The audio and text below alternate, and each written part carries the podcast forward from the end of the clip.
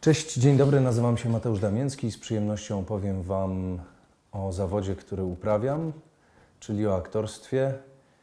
Oczywiście będzie to wszystko, co wiem na ten temat, e, zgodnie z doświadczeniem, które, które posiadam oraz wykształceniem, które zdobyłem. Zanim e, zaczniemy mówić o tym, jak grać, to wypada zastanowić się i zdefiniować e, pojęcie aktorstwa. E, I tu, co ważne, na aktorstwo można patrzeć w dwójnasób. E, Z jednej strony aktorstwo z definicji jest sztuką, jest pasją, jest zawodem, jest czymś, co uprawiamy z jednej strony w celach zarobkowych, a z drugiej strony takim efektem ubocznym aktorstwa może być naprawdę piękna, wielka sztuka.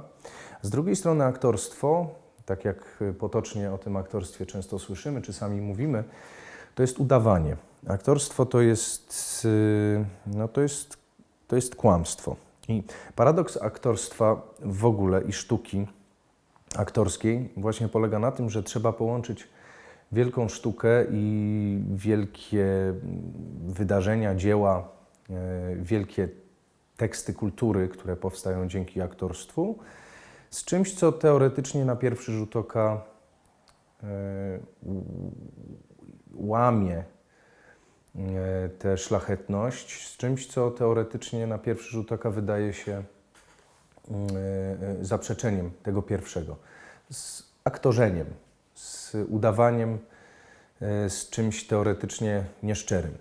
I teraz trzeba tak to zrobić, żeby żeby znaleźć balans i żeby znaleźć jakiś, jakiś punkt wspólny, jakiś wspólny mianownik, żeby z jednej strony oszukując widza, człowieka, stworzyć coś, dzięki czemu ten widz poczuje się dobrze, przeżyje jakieś emocje, wzruszy się albo będzie mógł się śmiać. Teraz, kiedy wiemy, na czym polega aktorstwo i czym jest aktorstwo, musimy się zdecydować, jak to zrobić, żeby być dobrymi aktorami. Dobry aktor to jest ten aktor, który przede wszystkim potrafi czekać. Chciałbym Wam powiedzieć przede wszystkim o tym, że w aktorstwie bardzo, bardzo, bardzo długo trzeba się naczekać, żeby dostać coś ciekawego do zagrania. Później musisz bardzo długo, długo czekać na samym planie filmowym, żeby w końcu wejść na, przed kamerę i zagrać, zagrać sobie swoją rolę. Później musisz bardzo długo czekać, aż to, co zrobiłeś, osiągnie cel, zostanie spostprodukowane, a później dopiero możesz to obejrzeć albo w kinie, albo w telewizji. Wszystko, o czym mówię, wynika nie tylko z mojego doświadczenia oraz z mojej pracy zawodowej, nie tylko z wykształcenia, które odebrałem, ale w dużej mierze również wynika z tego czasu, który musiałem poświęcić na czekanie. I to w tym czasie właśnie, w którym teoretycznie aktor nie robi nic, bo czeka, przydałoby się, żeby aktor dużo myślał i zastanawiał się nad tym, co tak naprawdę chce robić i czym jest to jego aktorstwo, które chce uskuteczniać. Jak to zrobić, żeby żeby trafić, żeby trafić w sedno. Podzielę ten wykład na dwie części. Pierwszą zasadniczą częścią będzie ten moment, kiedy stajemy do castingu i staramy się dostać rolę, a drugą część tego wykładu będzie stanowiła taka swoista, swoisty przewodnik po tym, jak już grać, kiedy dostaliśmy tę rolę. Po pierwsze, aktor, który chodzi na castingi, musi liczyć się z tym, że największą radością dla niego musi być na razie to, że jest na ten casting zapraszany. Sam wykonuję ten zawód od przeszło 25 lat. I do dzisiaj, muszę się Wam przyznać, nie znoszę castingów. Casting jest takim przedziwnym momentem, w którym w ciągu paru minut musisz udowodnić człowiekowi, który stoi po drugiej stronie kamery, że jesteś idealną osobą, która nadaje się do tego, żeby wejść z nim e, w dłuższą e, współpracę, żeby, żeby stworzyć dzieło, które reżyserowi mm, jest tak drogie, ponieważ zrodziło się w jego głowie. Mm, udowodnić producentowi, że jesteś odpowiednią osobą, e, dzięki której ten film bądź serial telewizyjny, bądź jakakolwiek inna forma, forma mm, ekspresji E, która będzie pokazana w, w, w telewizji czy, czy w kinie, że to wszystko mm, czeka tylko i wyłącznie na Ciebie, żebyś Ty wystąpił w tym danym dziele, w, tej, w, tej, e, w tym danym tekście, który jest dla Ciebie e, stworzony. Musisz reżyserowi i producentowi to udowodnić. Ja za każdym razem, kiedy jestem na castingu, czuję się jak małpa i mimo, że chodzę na castingi od 28 lat, to mm, czekam z utęsknieniem na ten moment, że scenariusze po tak długim, dużym doświadczeniu będą pisane dla mnie i nie będę musiał już wygłupiać się przed kamerą i pokazywać, kim tak naprawdę nie jestem. Y, po latach wiem, zdałem sobie sprawę i wiem już teraz, że to jest ogromny komfort dla aktora, który jest zapraszany, zapraszany na castingi, na zdjęcia próbne. Jeżeli już dostaniecie ten casting, dostaniecie te zdjęcia próbne, musicie wykorzystać swoją szansę. Jak to zrobić, żeby pokazać reżyserowi, że to właśnie ty i nikt inny? Świętej pamięci profesor Zapasiewicz, yy, który uczył w Akademii Teatralnej scen, później robił z nami dyplomy w szkole, zawsze powtarzał, że aktor zwłaszcza teatralny, powinien dążyć do tego, żeby odbiec jak najdalej od siebie samego, od tego, jaki jest w istocie jako człowiek, żeby stworzyć postać. I to jest wtedy wspaniałe, wielkie aktorstwo. Jeżeli ludzie znając Ciebie, patrzą na Ciebie, wiedzą kim jesteś jako człowiek, ale kiedy przychodzą do teatru czy oglądają z Tobą film, i widzą człowieka zupełnie innego. To wtedy dla niego oznaczało, że coś wykreowałeś, że zrobiłeś coś, e, czego ludzie się nie spodziewali, i to było dla niego szczytem aktorstwa. E, to jest taki ideał, do którego się rzeczywiście dąży, to jest taki akademicki ideał, do którego się dąży, żeby oszukać ludzi na tyle, żeby e, nie spodziewali się, że zobaczą Mm, że zobaczą Ciebie w, roli, w, do której im teoretycznie nie pasujesz. Z drugiej strony, patrząc na to, co, e, czego szukają producenci i reżyserzy, mogę z pełną odpowiedzialnością powiedzieć i przede wszystkim reżyserzy, e, reżyserzy castingu, mogę z pełną odpowiedzialnością powiedzieć, że trendy są zupełnie odwrotne. To znaczy, Reżyser castingowy, chcąc dobrze zaprezentować się przez, przed producentem oraz współpracownikiem głównym, którym dla niego jest reżyser filmu bądź, bądź serialu na przykład, robi wszystko, żeby przedstawić reżyserowi e, aktora, który jest jak najbliżej postaci, która jest zapisana w scenariuszu.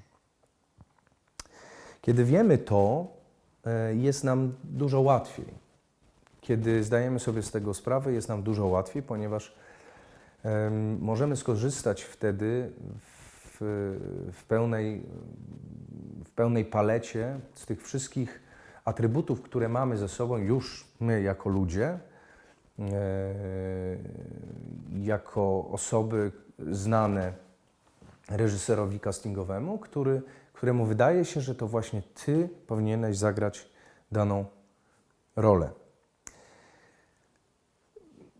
Abstrahując od tego, czy jest to e, spełnienie moich marzeń, jeżeli chodzi o aktorstwo, mm, bardzo często mm, e, szanuję wybór castingowego reżysera i staram się dostosować rzeczywiście do tego, e, co on proponuje i w jaki sposób chce mnie zaprezentować reżyserowi czy producentowi.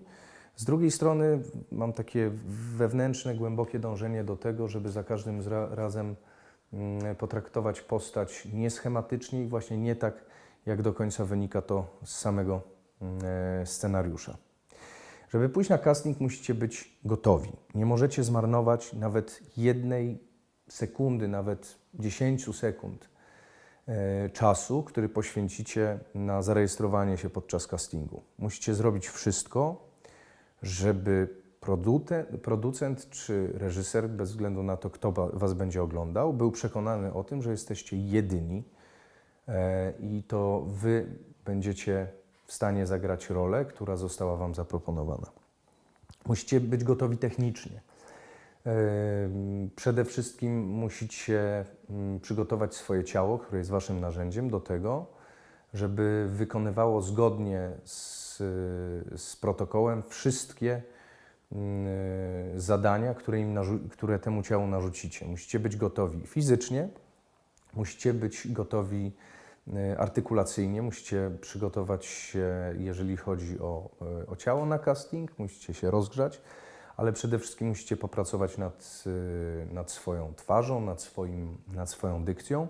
Jest szereg ćwiczeń oczywiście, które służą do tego, żeby, żeby wasz aparat mowy był rozgrzany tak, żeby jeżeli wypowiadacie już słowa, żeby do końca docierały do, do widza, do kamery. Musicie zrobić tak, żeby wasz aparat mowy was się słuchał. Technicznie musicie być gotowi na 100%. Podczas castingu nie ma miejsca na nieprzygotowanie. Druga kwestia to jest tekst. Na improwizację przyjdzie czas, ale jeżeli dostajecie e, tekst wcześniej od reżysera castingowego, albo od reżysera, albo od producenta, albo od swojego agenta, to musicie być pewni, że kiedy przychodzicie na casting, ten tekst jest wkuty na pamięć. Nie wiecie, na kogo traficie. Nie wiecie, czy traficie na reżysera, który ma obsesję, tak na przykład jak e, pan Koterski. Na przykład on ma obsesję na temat y, y, tego, żeby wypełniać co do kropki każde zdanie, które jest napisane e, w scenariuszu. Są oczywiście reżyserzy, którym w ogóle na tym nie zależy. E, są tacy, którzy, którzy proszą Was o improwizację, ale żeby improwizować, musicie móc się od czegoś odbić. I tym odbiciem jest tekst, który dostajecie na casting. Mało tego Najczęściej jesteście mm, proszeni o to, żeby zagrać jakąś rolę razem z partnerem albo z partnerką. E, bardzo rzadko są to castingi, e, które, e, które, które wymagają od Was tylko i wyłącznie monologu albo przedstawienia się i pokazania prawego i lewego profilu. W tej chwili reżyser i producent chce wiedzieć już, chce wiedzieć szybko.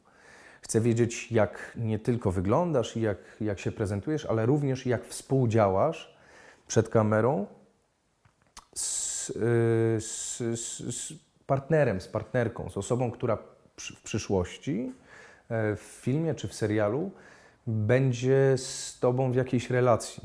Oni chcą to zobaczyć.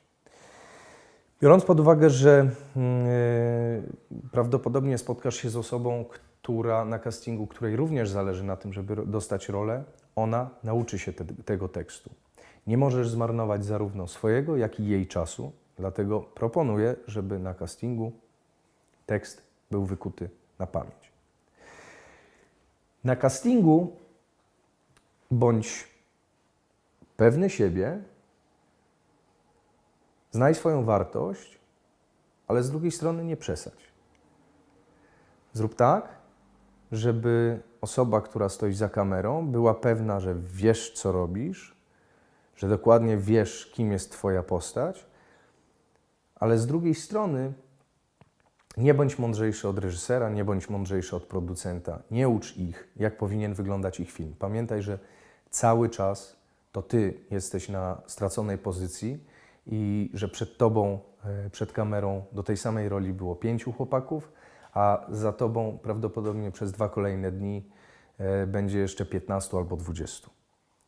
Uszanuj tego człowieka, który chce zrobić swoje dzieło, a z drugiej strony pokaż swoje zaangażowanie. Nie lekceważ go, naucz się tekstu, ale z drugiej strony mm, bądź w 100% pewien, że to, co sobie wymyśliłeś, ta podstawa, którą sobie wymyśliłeś, na podstawie, y, y, k- którą, i to, to wszystko opierasz na podstawie przeczytanego tekstu, e, ewentualnie scenariusza, który dostałeś, albo rozmowę z reżyserem, że to wszystko, co robisz przed kamerą, jest w 100% świadome. Jeżeli chodzi o ubranie e, i o trendy ogólnie, jeżeli chodzi o castingi, są dwie szkoły. Albo przyjść e, ubrany całkowicie neutralnie, żeby pokazać tylko i wyłącznie to, co jest w środku, w tobie, zgodnie z zasadą nie szata zdobi człowieka. Z drugiej strony spotkałem się i spotykam się coraz częściej z takimi castingami, w których wymagane jest upodobnienie się do postaci, którą mm, masz odegrać. Jeżeli nie masz wytycznych, musisz sobie wybrać. Musisz sobie wymyśleć ten sposób, w jaki, w jaki będziesz chciał się zaprezentować przed kamerą. Przede wszystkim to, co bardzo ważne, zrób to w taki sposób, żeby zostać zapamiętanym. Yy, Słyszałem o takiej bardzo ciekawej zasadzie, a mianowicie yy, ubierasz się w miarę normalnie, ale yy, zakładasz coś, co jest bardzo charakterystyczne, bo jeżeli jesteś nieznany producentowi, reżyserowi, jeżeli jeszcze nie masz nazwiska, jeżeli jesteś na pierwszym, drugim, trzecim castingu i tak naprawdę zdajesz sobie sprawę, że w tym świecie dopiero zaczynasz, czasami smutna prawda jest taka, że ktoś, kto później wspomina Ciebie z castingu i przypuśćmy, że jest jakieś 20-30 osób startują, startujących do tej samej roli, to bardzo często spotkałem się z takim, e, z takim zjawiskiem, że ktoś przypominając sobie, co robiłeś na, na, na, na castingu przed kamerą, mówił, nie wymieniał Twojego imienia i nazwiska, mówiąc o Tobie, tylko mówił, "Te- ten chłopak y, w czerwonym swetrze, pamiętasz go? To ten chłopak w czerwonym swetrze. Czy to pomaga, czy to przeszkadza? Y, Czy to ma cokolwiek wspólnego z Twoim aktorstwem? Prawdopodobnie nie. Mam nadzieję, że nie. Ale z drugiej strony, w pewnym sensie identyfikuje Cię przed człowiekiem, który spośród całego worka maku ma wyciągnąć jedno ziarenko, które na sam koniec będzie tym ziarenkiem, e, które, e, które wpadnie do tego, e, do tego drugiego worka, który się nazywa, ten drugi worek nazywa się film. Także spróbujcie. Załóżcie na siebie coś, w czym czujecie się dobrze, ale z drugiej strony bądźcie na tyle charakterystyczni, żeby zostać zapamiętanymi. O ile możecie, przygotujcie się do tej postaci, do roli, którą będziecie przez te 10, 15, daj Boże, 20 minut tworzyć e, przed kamerą na castingu. Przygotujcie się do tego, jak najlepiej potraficie. Jeżeli macie jakiekolwiek dane dotyczące mm, bohatera, to odróbcie pracę domową. I tutaj jest coś bardzo, bardzo ważnego, o czym chciałbym w tej chwili powiedzieć, e, coś, czego lekceważyć e, nie można. Aktorstwo to nie tylko wdzięk osobisty i nie tylko ładny wygląd. Aktorstwo to ciężka, ciężka, ciężka praca, w dużej mierze mm, oparta na pracy domowej. I to jest taki mit, z którym się wielokrotnie spotkałem, że aktor to jest taki mm, lekkoduch, który sobie przychodzi na plan, siedzi w swoim kamperze przez trzy godziny, pije szampana, yy, później czerwony dywan się przed nim rozpościera, on wychodzi na plan, mówi swoją kwestię i ładnie wygląda, zrobi parę dubli, pooszukuje, yy, yy, zgodnie z tym, co każe mu reżys- reżyser, zbije piątkę z, z producentem i po paru miesiącach odbębni wielką, kolorową premierę. e, i, i, i zdobędzie kupę nagród za ten e, film, który zrobił. No, być może są ludzie, którzy tak mają, ale 99% aktorów na to, żeby zostać zapamiętanymi, musi bardzo, bardzo ciężko pracować. I ta praca zaczyna się nie na planie filmowym, nie przed kamerą na planie serialu. Ta praca zaczyna się dużo, dużo, dużo wcześniej. Abstrahując od tego, że e, odróżnienie amatora od aktora e, jest bardzo proste, ponieważ amator to ten, który kocha to, co robi. nie odbieram amatorowi e, zdolności, ale mimo wszystko mm, amatorem jest również ten, kto nie ma szkoły, a aktorem wykwalifikowanym jest ten, kto skończył jakiś kurs. Cztery lata Akademii Teatralnej w Warszawie i ten, ten status jest utrzymywany we wszystkich szkołach aktorskich w całej Polsce. Czteroletnie studia. To nie jest 5 minut, to nie jest 10 minut. To są cztery ciężkie lata pracy, e, podczas których uczysz się tego wszystkiego, co później będziesz chciał e, zaprezentować zarówno na scenie, jak i przed kamerą. Z drugiej strony praca, jak już masz ten, to wykształcenie, e, do którego profesjonalny aktor dąży, z drugiej strony praca zaczyna się dużo, dużo wcześniej. Produkcję filmową można podzielić na trzy etapy etap preprodukcji, produkcji oraz postprodukcji. Śmiem twierdzić po tych wszystkich latach doświadczenia przed kamerą, że najważniejszym etapem trakcie całej pracy nad filmem z mojego punktu widzenia, widzenia jest etap preprodukcji i w dużej mierze samej produkcji, samego występowania przed kamerą, ale tak naprawdę 90% tego, jak będzie wyglądało Twoje kręcenie filmu, zależy od tego, ile wykonasz pracy podczas preprodukcji filmowej. Jeżeli jesteście na castingu i znacie tę zasadę, to ona zawsze przyjdzie Wam w sukurs.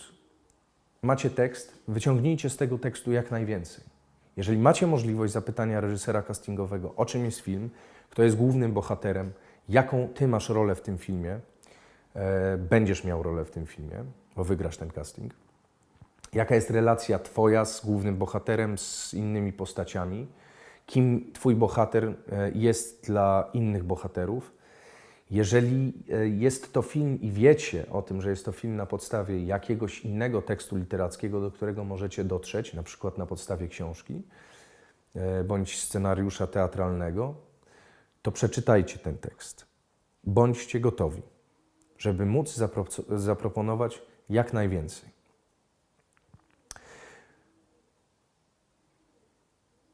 Kiedy już jesteście na, na castingu, na zdjęciach próbnych, bądźcie skupieni. Wyśpijcie się, nie liczcie na to, jak to w Akademii Teatralnej zawsze mówiliśmy, na zmęczeniu, na zmęczeniu, że wszystko się uda, będziemy tacy prawdziwi na zmęczeniu. Zmęczenie jest dobre, ale tylko i wyłącznie wtedy, kiedy jesteś na 100% pewien, co robisz, jak robisz, kiedy umiesz na 100% tekst. I jeżeli dojdziesz do porozumienia z reżyserem czy producentem, że chcesz trochę naturalności dodać do tej całej swojej gry aktorskiej, to możesz sobie pozwolić na, na zmęczenie. Ja podczas moich e, wieloletnich działań na planie filmowym kilkukrotnie spróbowałem e, takiej, e, takiego, mm, takiego działania. I rzeczywiście czasami to wyszło, a czasami nie wyszło. Ogólnie zalecam, żeby przed castingiem się wyspać, żeby przed castingiem mieć świeży umysł, żeby przed castingiem być w 100% pewnym, że nic na castingu nie pozostawiacie przypadkowi. Z tym graniem jest trochę tak jak z przygotowywaniem wyprawy. Naprawdę. Nie liczcie e, e, na to, że wszystko pójdzie tak, jak sobie wymyśliliście, ale przygotować się trzeba. I naprawdę, w momencie, kiedy wyprawa rusza, to e, już od pierwszej godziny okazuje się, że jest zupełnie inaczej niż to zaplanowaliście ale przygotować się musicie. Musicie mieć wszystko ze sobą. Musicie mieć dodatkową benzynę na wyprawie, musicie mieć e, e, śpiwór ciepły na wypadek, żeby gdyby się okazało, że jest na zewnątrz zimno, musicie mieć dodatkową wodę, gdyby się okazało, że zabłądzicie i przez dwa dni nie będziecie mogli znaleźć sklepu. To samo jest z, z castingiem. Musicie być w 100% pewni, że jesteście gotowi na wszystko i że wiecie, jaka jest wasza droga. Musicie mieć mapę, na której zaznaczycie sobie swoją drogę, po to, żeby od tego punktu, gdzie ruszacie, dotrzeć do punktu docelowego. Wierzcie mi, że jeżeli spodobacie się reżyserowi bądź reżyserowi castingowemu, e, jeżeli wasza postawa będzie wpływała również na to, że ten, e, ta osoba po drugiej stronie kamery będzie chciała z Wami współpracować, to on zada Wam dodatkowe pytania i właśnie wtedy będzie czas na Waszą improwizację.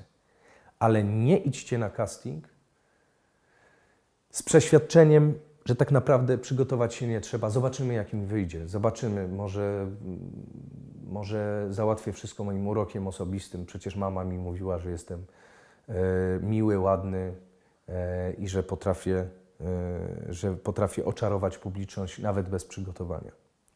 Pamiętajcie zawsze, że aktorstwo w dzisiejszych czasach, ale kiedyś też tak było, że to jest walka że musisz być najlepszy. Staraj się nie pozostawiać przypadkowi nic. I teraz, żeby nie być gołosłownym, powiedziałem wszystko, y, czego o czym chciałbym, żebyście pamiętali, ale żeby nie być gołosłownym, opowiem Wam dwie takie historie z mojego życia osobistego, żebyście, żebyście wiedzieli, że, mm, że te, te są, są to zasady, których należy się trzymać, a z drugiej strony y, w pewnym sensie złamać to wszystko, o czym przed chwilą powiedziałem, mówiąc o tym, jak, jak wyglądały moje castingi. Z jednej strony przypomina mi się do dzisiaj casting e, na, do przedwiośnia, kiedy Filip Bajon zaprosił mnie e, na ulicę Chełmską. Tam zagraliśmy e, parę scen, które były wcześniej dla mnie przygotowane. Wydawało mi się, że wiem wszystko. Byłem przekonany, że, że tak powinien wyglądać Cezary Baryka. Pamiętam, że siedzieliśmy na, na tym castingu przez ponad godzinę. Filip próbował mnie w różnych konfiguracjach z różnymi aktorami. Kazał mi stawać przodem, tyłem, profilem, zakładałem różne ubrania, e, mówiłem swoje teksty. I w pewnym momencie podczas castingu do sali weszła e, Ula Grabowska, która w efekcie zagrała w tym filmie Karusie. I co? Stało się coś niebywałego, ponieważ ja na chwilę stojąc na scenie przed kamerą, nagle oderwałem wzrok y, od, y, od inscenizacji i spojrzałem prywatnie, całkowicie prywatnie na Ulę Grabowską. To trwało może jakieś, nie wiem, łącznie około minuty i wróciłem później znowu do tego castingu.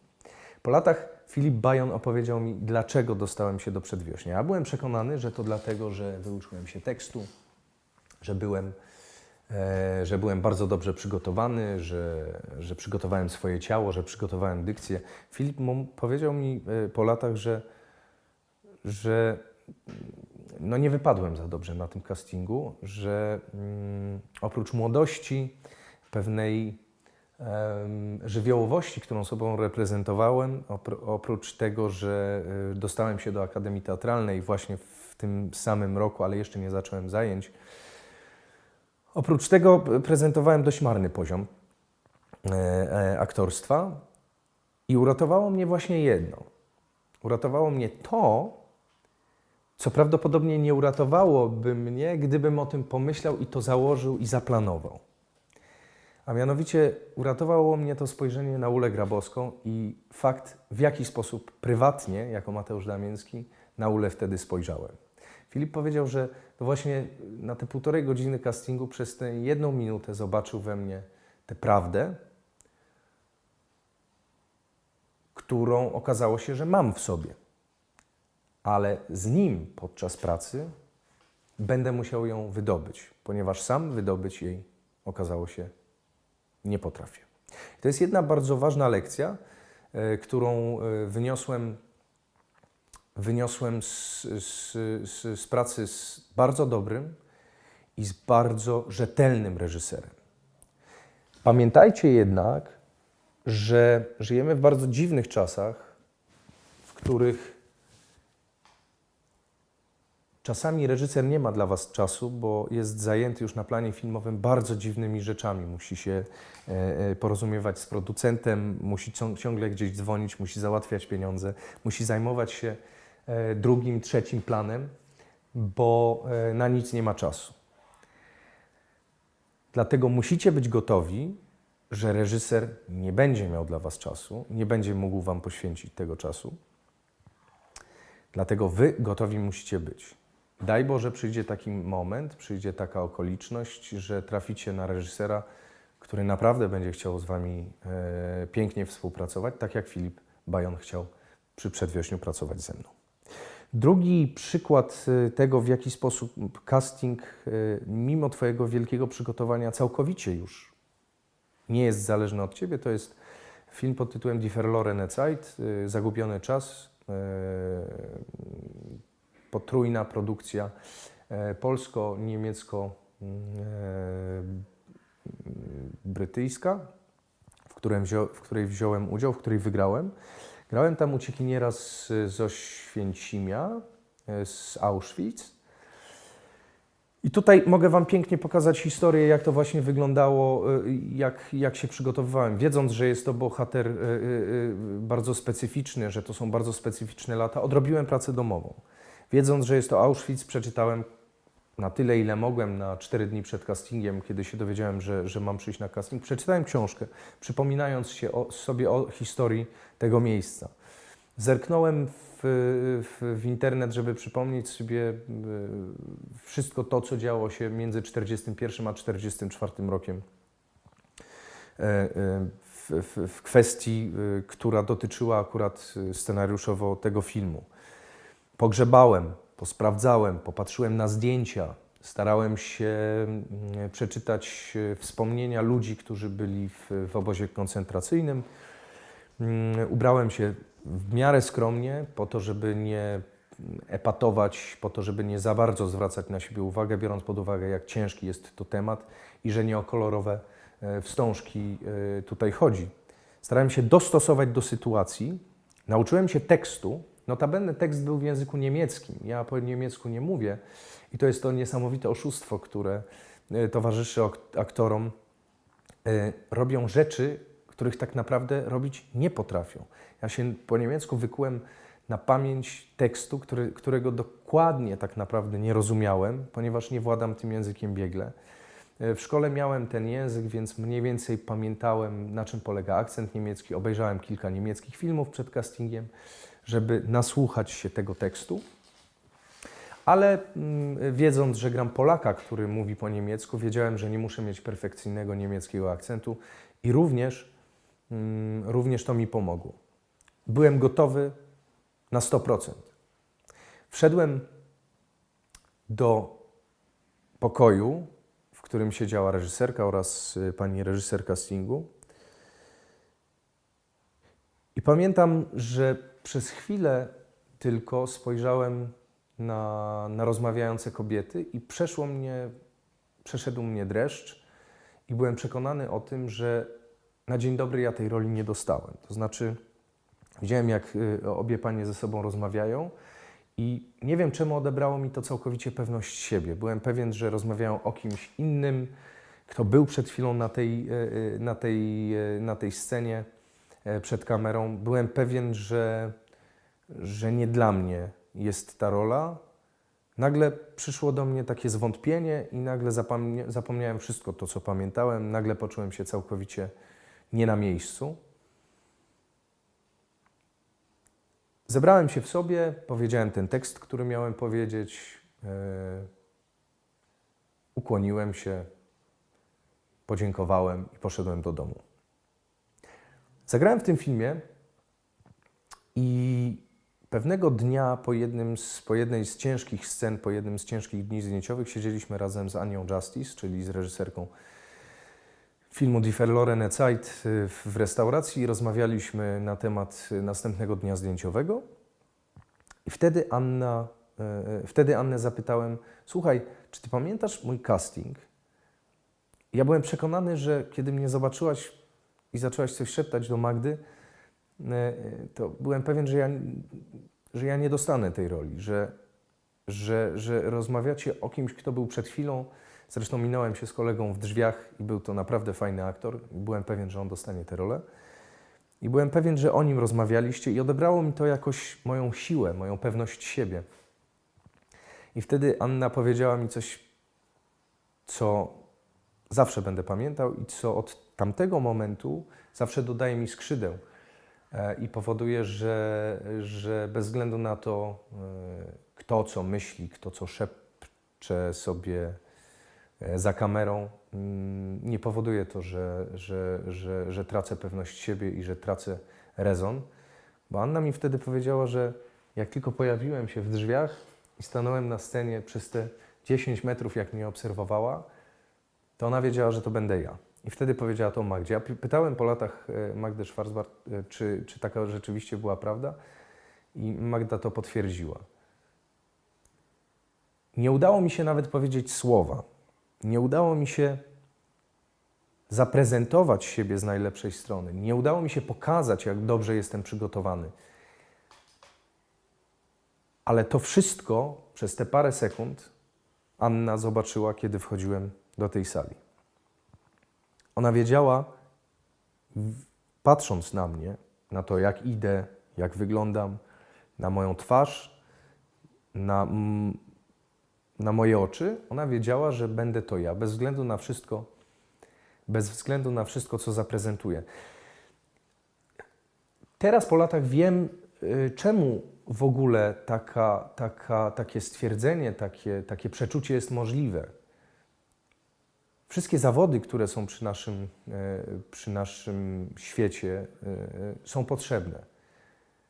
Jeżeli bardzo dobra reżyserka castingowa proponuje reżyserce aktora, to znaczy, że no na, na pewno nie strzelałaby sobie w kolano, e, nie zaproponowałaby kogoś, o kim by nie była przekonana, że da radę sobie z tą rolą. Czasami to wystarczy. Czasami to wystarczy reżyserowi.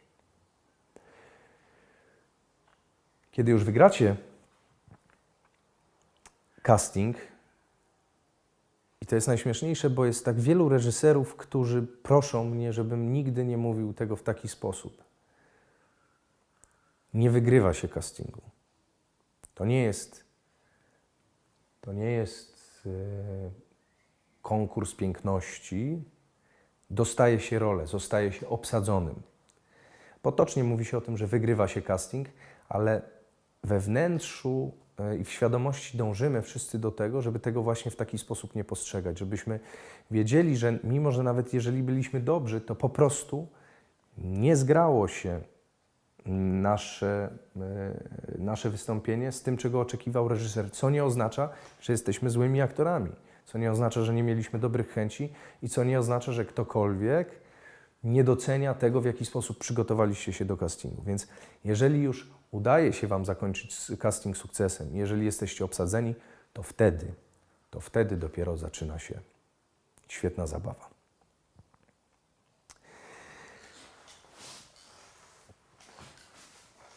Aktor ma obowiązek wykonać swoją pracę domową najlepiej, jak tylko potrafi.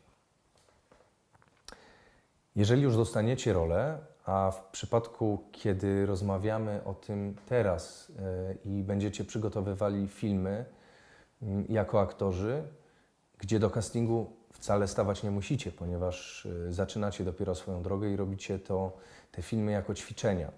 Nie musicie się ścigać ze sobą na, na castingu, nie musicie e, nikomu niczego udowadniać. Jesteście w tej bardzo, bardzo dobrej sytuacji, wygodnej sytuacji, że nie musicie przechodzić przez ten pierwszy etap, tylko tak naprawdę będziecie tworzyli postać po to, żeby, żeby ją zaprezentować mm, w Waszym filmie, w krótkim metrażu, w filmie studenckim, w takim filmie, który właśnie w tej chwili przygotowujecie. Y, to musicie się do tego bardzo dobrze przygotować. Podstawą y, do przygotowania roli jest zawsze scenariusz. Nie rozmowa z reżyserem, nie rozmowa z producentem, nie rozmowa z drugim aktorem. Bazą, na której będziemy budować film, jest zawsze scenariusz. I to bardzo ciekawa rzecz. Hmm, bardzo trudno jest zrobić cokolwiek dobrego na bazie złego scenariusza.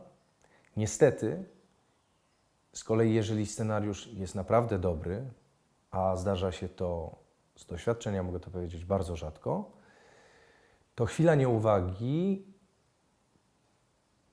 może kosztować, yy, może kosztować bardzo wiele, jeżeli chodzi już sam, o samą realizację filmu. E, Jeżeli już mamy dobry scenariusz, jeżeli mamy tekst, który kochamy, który, który, który jest naprawdę e, dobrze przygotowany, który jest dobrze przepracowany, wszyscy na planie filmowym musimy wykonać swoją pracę domową po to, żeby nie zniszczyć tego wspaniałego materiału. Doceńmy to, jeżeli mamy dobry scenariusz. Doceńmy to, jeżeli mamy tekst, który ma duży potencjał. Ponieważ niestety, to też już wielokrotnie widziałem, nawet dobre teksty bardzo łatwo jest zniszczyć. Przypuśćmy, że mamy już ten dobry tekst. Przypuśćmy, że zostaliśmy za, e, zaangażowani do filmu. Przypuśćmy, że e, niedługo mamy zacząć pracę na planie filmowym. Najważniejsze jest, żeby się do tego przygotować. I chciałbym Was teraz prosić o to, żebyście wzięli sobie do e, serca to, co do Was e, w tej chwili powiem. I to będzie chyba coś, co przez lata moich e, zawodowych doświadczeń jest najważniejsze. Na czym polega odrobienie pracy domowej? Jeżeli już y, zgodnie z tym, jak wyglądacie, jaką macie energię, jaki macie urok osobisty, e, jakie macie dobre i jakie macie złe strony, zostaliście zaangażowani do filmu, e, to starajcie się wykorzystać wszystko to, co macie. Aktor musi bazować przede wszystkim na tym, co ma. Nie na tym, czego nie ma, tylko na tym, co posiada, co jest jego. Jeżeli macie zagrać y, ładnego kochanka, to prawdopodobnie y, do tej roli zostanie wytypowany amant.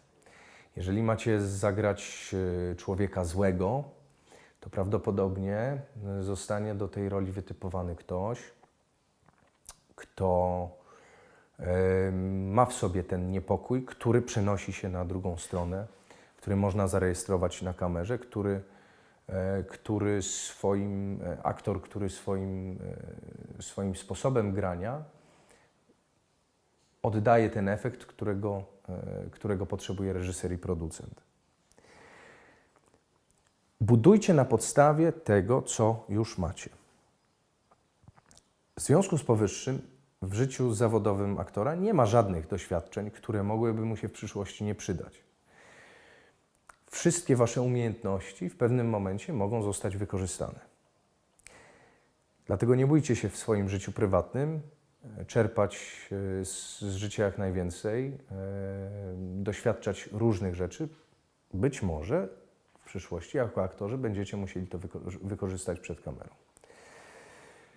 Jeżeli już wiecie, kogo macie zagrać, mm, przede wszystkim skupcie się na tym, żeby ten wasz bohater był prawdziwy. Mimo, że na początku powiedziałem, że aktorstwo to jedno wielkie oszustwo, to oszustwo polegające na tym, że poprzez udawanie, że nie jest, y, y, prze- poprzez udawanie y, budujecie kogoś, kim tak naprawdę nie jesteście, ale z drugiej strony ktoś, kim nie jesteście, musi być bardzo prawdopodobny i musi być prawdziwy. To jest paradoks, który jest bardzo trudno zrozumieć, ale z drugiej strony, e, kiedy już wiecie, jaka jest prawda, możecie się do tego przy, przygotować. Przypuśćmy, że bohater, którego gracie, jest, nie wiem, drwalem. Zostaliście wybrani do tej roli, dlatego że wyglądacie tak, jak wyglądacie, e, dlatego że e, scenariusz przewiduje takie, a nie inne zwroty akcji. E, Reżyserowi wydaje się, że mm, wasze umiejętności aktorskie e, są na tyle dobre, żeby wypełnić wszystko co to, to, co jest napisane w scenariuszu. Z drugiej strony, mm, jeżeli traficie na dobrego reżysera, możecie się w dużej mierze oprzeć na tym, że będziecie budować tę rolę razem z nim. Tak jak powiedziałem, nieczęsto w moim przypadku udało mi się trafić na takich reżyserów, którzy w 100% będą poświęcali czas, ci czas, więc tak naprawdę bardzo wiele zależało od tego, ile pracy ja sam wykonam, zanim wejdę na pierwszy dzień zdjęciowy. Jeżeli macie zagrać drwala, to musicie poczytać o drzewach, to musicie obejrzeć parę filmów, e, w których takie postacie się pojawiały. Musicie wejść na YouTube'a i zobaczyć, e, jak wyglądają prawdziwi drwale, a najlepiej e, to pójść z jakimś znajomym e, drwalem do lasu i razem z nim porąbać e, trochę drewna.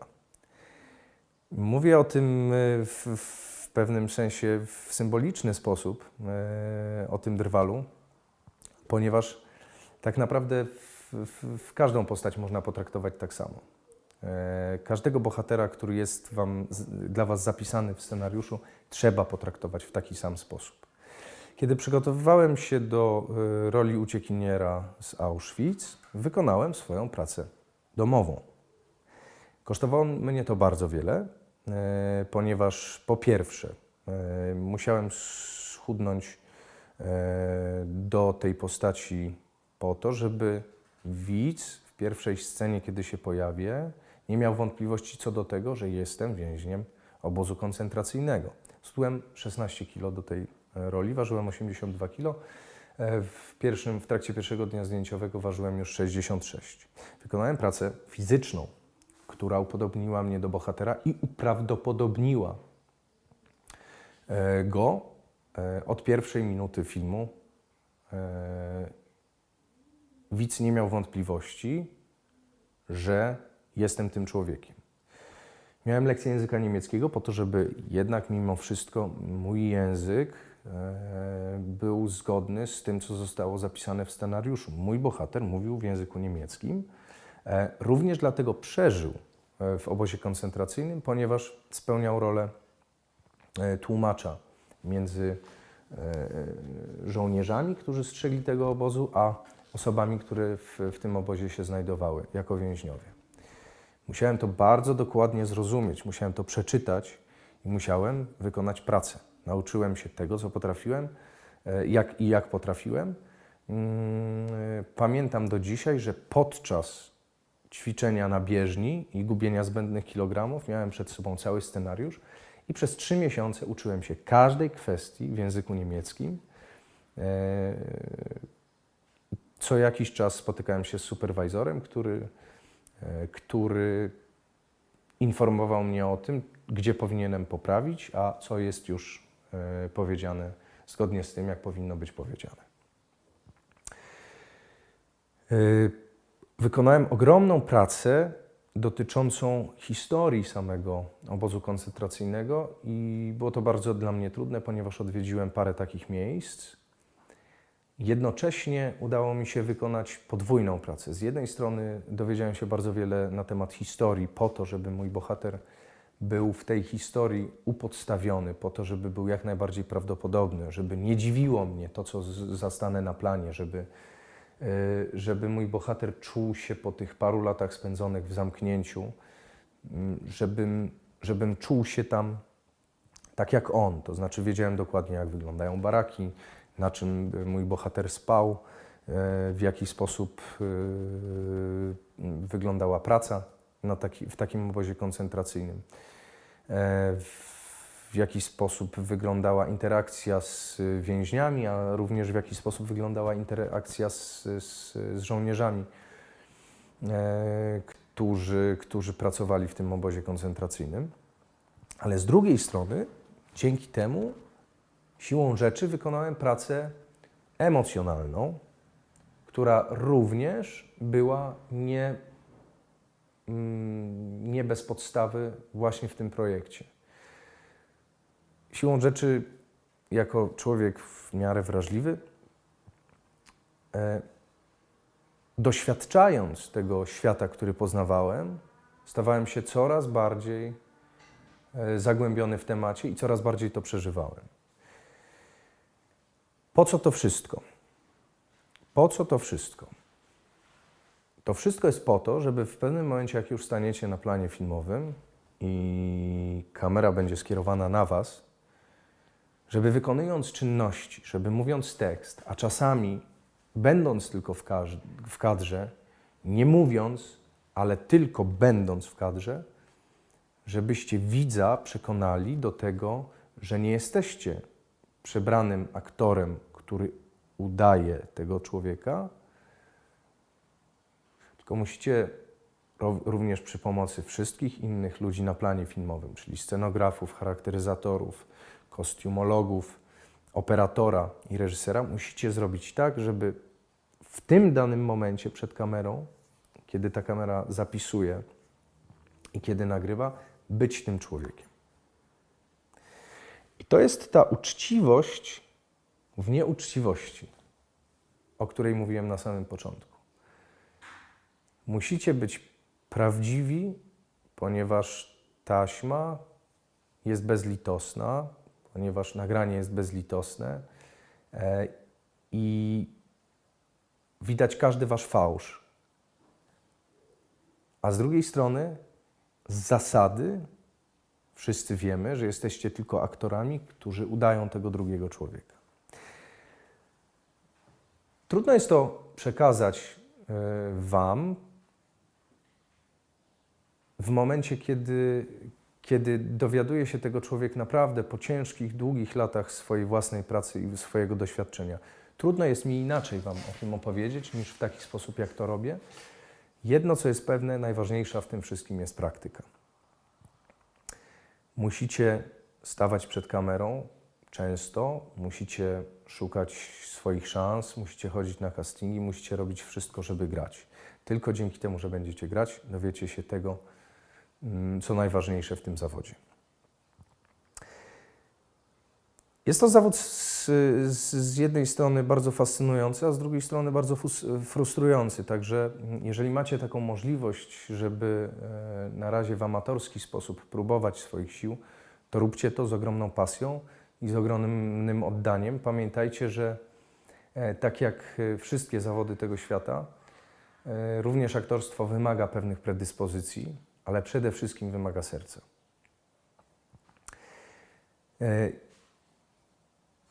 Trudno jest wykonywać ten zawód, jeżeli nie potraficie czekać. Trudno jest wykonywać ten zawód, jeżeli nie potraficie być cierpliwi.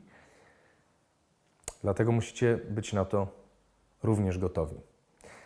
Ale to, co najważniejsze, to żeby właśnie zrozumieć to, o czym przed chwilą powiedziałem. Jeżeli już dostaniecie tę rolę, jeżeli będziecie chcieli się nią, w nią wgłębić, musicie odrobić swoją pracę domową. Produkcja jest tylko zaledwie cząstką, sama produkcja jest zaledwie cząstką tego etapu, jakim jest tworzenie bohatera. Nie lekceważcie y, czasu zarówno swojego, jak i czasu innych.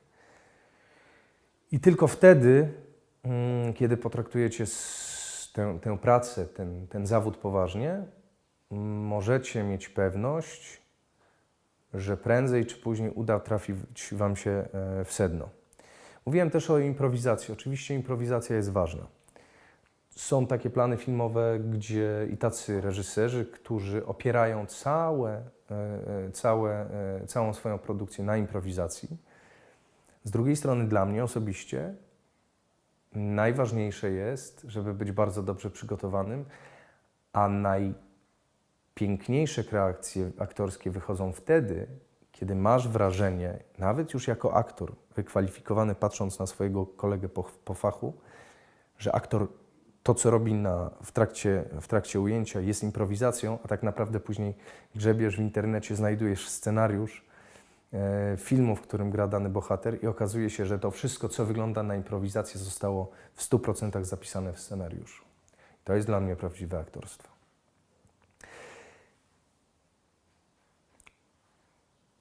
Traktujcie, traktujcie to poważnie, ale z drugiej strony oczywiście bawcie się tym e, od samego początku i do samego końca.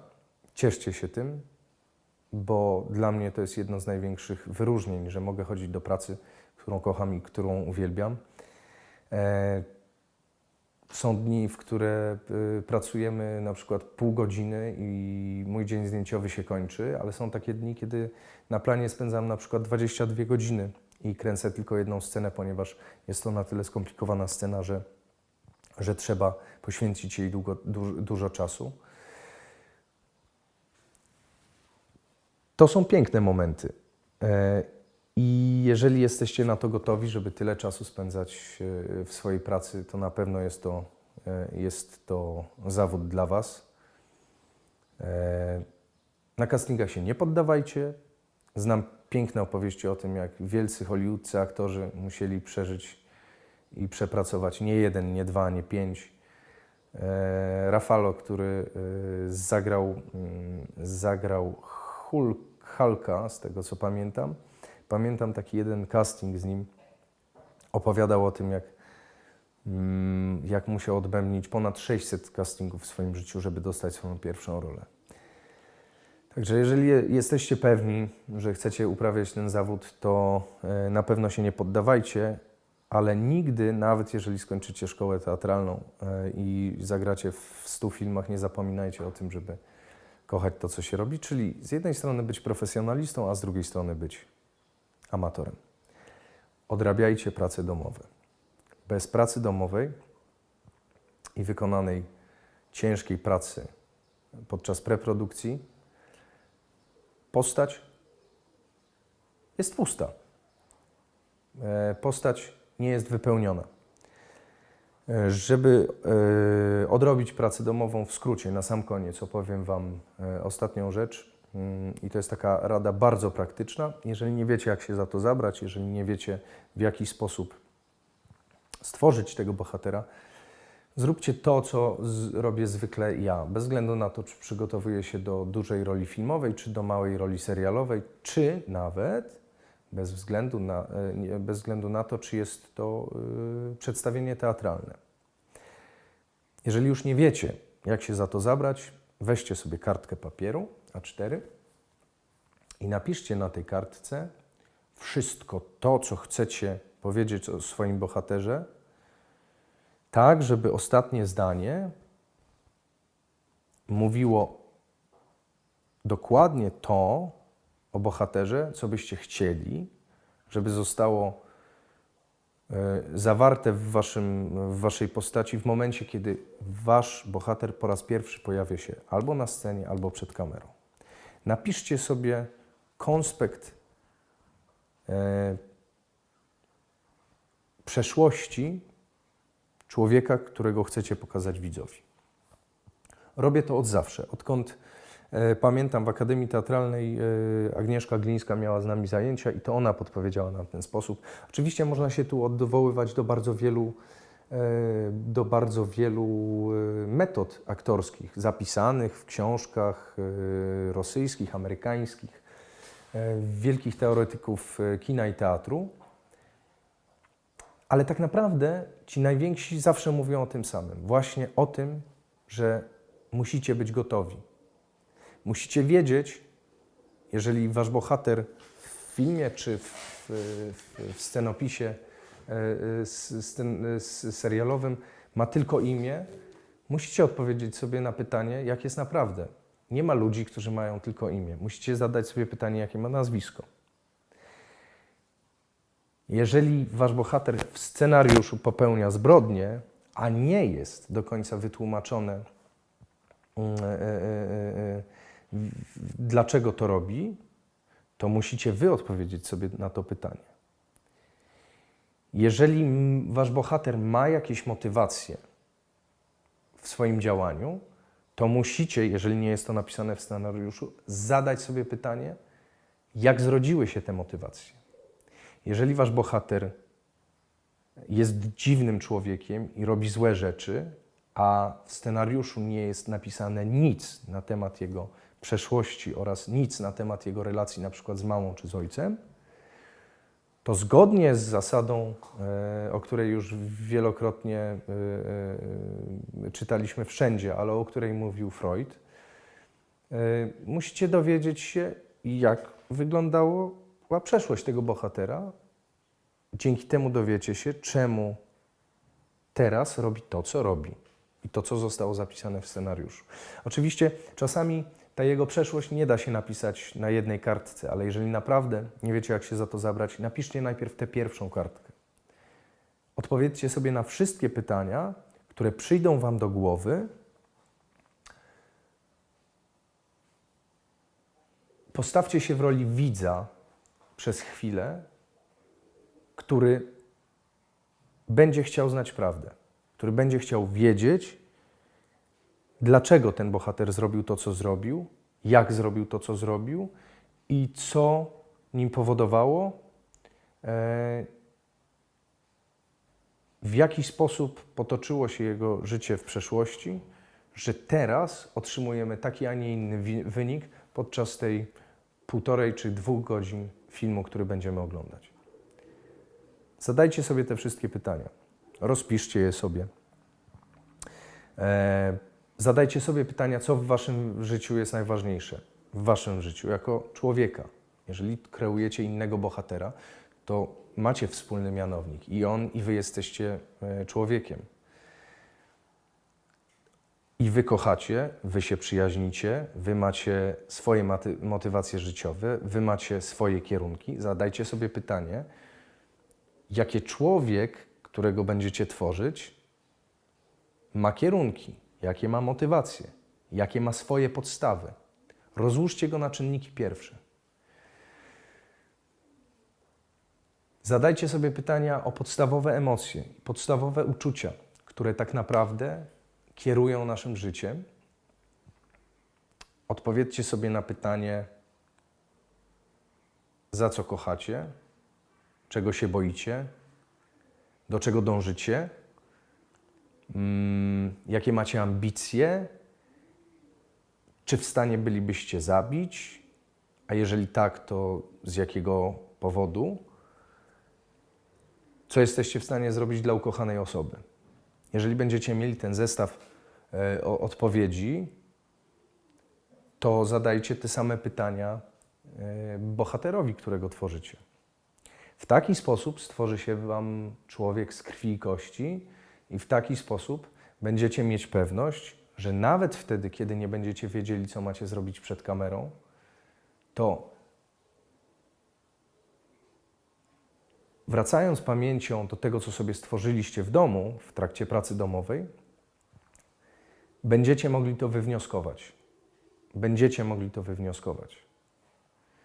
Jeżeli reżyser Wam pomoże, jeżeli scenografia, y, y, kostiumy, charakteryzacja Wam jeszcze w tym pomogą, jeżeli wszyscy będziecie grać do jednej bramki, to to, że będziecie mieli y, napisanego swojego bohatera od początku do końca i będzie on z krwi i kości, to nigdy Wasz bohater przed kamerą nie będzie samotny. Zawsze będzie i nie będzie pusty przede wszystkim. Zawsze będzie w nim ta przeszłość, którą sobie napisaliście, i zawsze będzie ta prawda, która wynika z y, biografii, którą stworzyliście. A jeżeli już nic nie pomoże, to zgodnie z zasadami, które wykładał y, w swojej szkole aktorskiej Joey z serialu pod tytułem Friends, po prostu zacznijcie szukać końcówką języka siódemki górnej lewej, tak jak ja teraz. I liczcie na to, że w kamerze będzie to wyglądało interesująco. Ewentualnie starajcie się podzielić liczbę 372 na 13.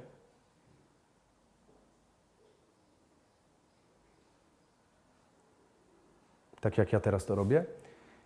I liczcie na to, że w kamerze wasza twarz podczas tego działania będzie wyglądała nam tyle interesująco, że widzowie uwierzą, że albo kochacie, albo się denerwujecie, albo macie rozterki, albo, albo macie wielkie nadzieje i uda im się, uda wam się ich oszukać, że tak naprawdę te wszystkie uczucia, o których oni myślą, zamknięte są po prostu w waszym dzieleniu bardzo dużej liczby przez liczbę 13.